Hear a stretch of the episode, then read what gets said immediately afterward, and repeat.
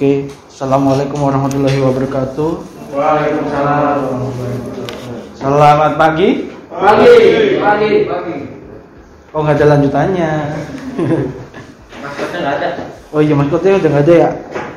Oke, kali ini saya akan membawakan eh, apa ya? Jadi studi kasus dulu ya. Jadi pas awal-awal corona nih, kan tahun 2020 kemarin, eh, kita kan lagi apa ya, lagi parno-parnonya gitu ya. Nah, pas lagi parno-parnonya kan itu banyak tuh kayak penggunaan disinfektan. Nah, jadi ada salah satu apa ya berita dulu kan. Jadi pas di mana-mana itu disemprotin disinfektan mulu. Sampai ada eh, apa namanya? santri. Jadi dulu kan pesantren suruh pada pulang semua ya. Jadi mekanismenya itu santri yang mau keluar disemprot desinfektan terus pas masuk mau masuk bis juga disemprot desinfektan nyampe sana disemprot lagi basah mereka nah kita tahu ada yang tahu nggak apa?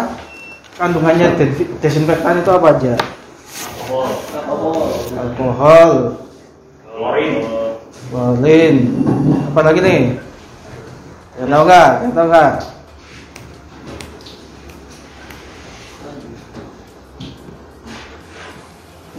Kalau menurut mana ya?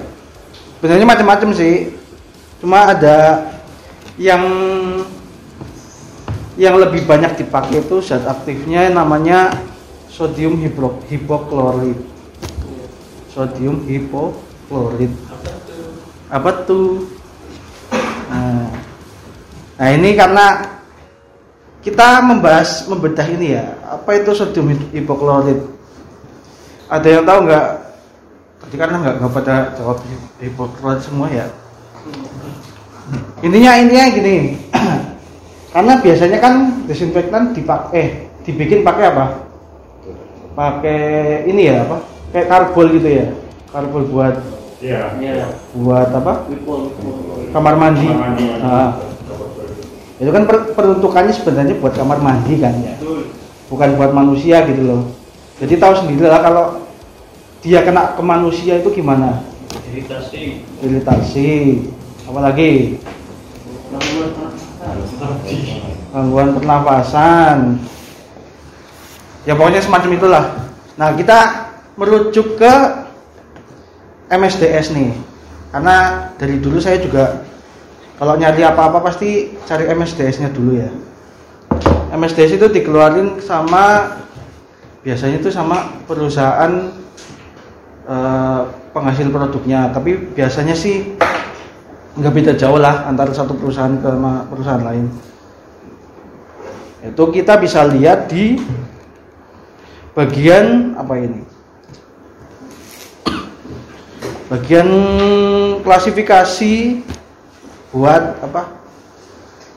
Namanya? Bukan apa? Intinya kayak dia bahayanya apa aja gitu. Nah kalau di sini tuh itu korosif bener kayak kata paman Nadit itu. Korosif terus dapat iritasi gitu loh. Nah ini kalau dilihat dari MSDS nya itu untuk gangguan kesehatan dia ke level 3 level 3 itu artinya berarti sudah ini ya berbahaya sekali mendekati 4 kan skalanya 0 sampai 4 nah dia itu nggak flammable jadi tidak mudah untuk terbakar. Tapi jadi ada ada studi kasus lagi nih. Jadi pas dulu tuh kayak penyemprotan desinfektan sama apa ya sama satu di kendaraan gitu loh. Jadi kan ada dulu video yang disemprot desinfektan motor lalu langsung kebakar gitu meledak dak itu kenapa coba? Kenapa dia meledak? Padahal di sini dia nggak flammable faktor apa yang biasanya yang bisa menyebabkan itu menjadi meledak? Apa apa? Mas Ahmad Mas Ahmad Mas Tono. Apa Mas? Dia itu nggak nggak flammable tapi dia bisa meledak oh Mas jujur siapa itu? Kenapa nih? mungkin karena dia itu kan disemprotkan kan kalau udah disemprotkan berarti kan dia dikompres karena itu namanya mungkin karena bisa tuh bahkan kalau disemprotkan udara di sekitarnya mungkin akan baru juga Kalau disemprot, kenapa? juga kan kalau disemprot itu kan kan yang tadinya dia liquid kan pasti kan dikompres sehingga dia setidaknya jadi seperti spray yang dia Eh, kosong. Iya, Jadi aerosol ya? Itu hanya. Teman tak mulu dah. Eh gimana Mbak Mbak Sakila? Mbak Sakila? Mbak Sakila? mungkin ada reaksi sama orang lain karena di permukaannya Bisa jadi. Siapa? Apa ada lagi ada lagi? Mas Said, Mas Said? No comment. No comment. Mas Kevin, Mas Kevin? Mungkin yang bikin kebakar bukan atau diungkit klorofinnya mungkin ada bahan lain yang memicu yang mudah terbakar mungkin ada bahan lain. Ada bahan lain ya? Bisa jadi, bisa jadi. Mas Mas Gibran apa Mas? Sepertinya apa?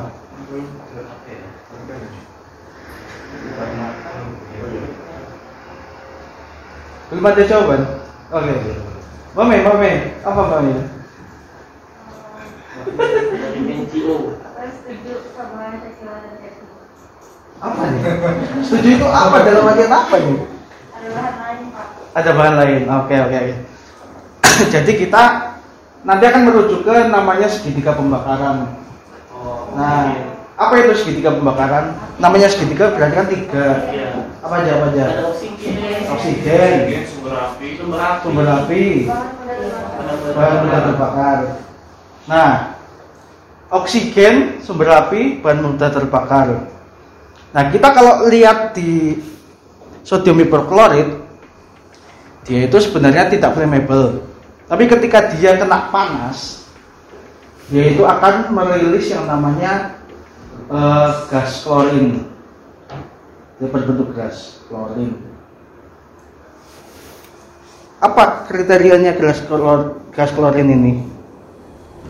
Kita lihat dulu di MSDS. Nah, kalau di MSDS nih, dia itu sebagai oxidizer. Oxidizer, tahu? Jadi dia itu mengikat oksigen. Jadi dia mem- memenuhi unsur oksigen. Yang kedua apa unsur apa? Api. Api atau panas ya. Itu biasanya karena nyemprotnya di kendaraan. Itu kan kalau di motor biasanya businya di agak di luar itu ya. Hmm. Nah, ketika businya di luar itu kayak ada percikan api kan. Busi itu kan tem- tempat pembakaran percikan api. Itu ada memenuhi unsur api. Yang ketiga bahan mudah terbakar.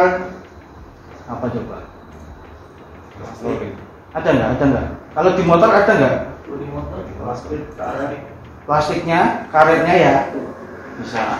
Itu berarti kalau ketiga-tiganya memenuhi berarti dia terjadi namanya pembakaran. Tuh.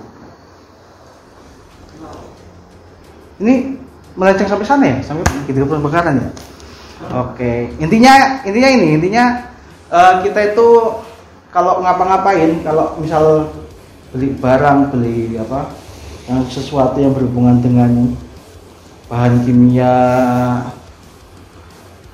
sintetis, sintetis atau anorganik, anorganik. Nah, itu kita harus lihat dulu MSDS-nya. Jadi kita bisa tahu bahayanya apa, ketika kena tangan gimana atau kontak fisik atau tertelan juga bisa atau terhirup. Nah, itu biasanya yang eh, sering sering lalai atau sering abai itu biasanya di rumah-rumah gitu loh. Ya kan kayak tadi apa penggunaan karbol. Iya. Karbol apa? Eh, kamar mandi gitu loh. Kan banyak yang pakai tangan biasa gitu loh pakai tangan telanjang short aja itu padahal itu kan bahan-bahan yang korosif gitu loh. Bukan untuk peruntukannya itu bukan untuk manusia gitu. oke? Ada yang mau ditambahin? Nah, apa nih? Apa nih? Oke. Mungkin sekian dulu dari saya. Terima kasih. Assalamualaikum warahmatullahi wabarakatuh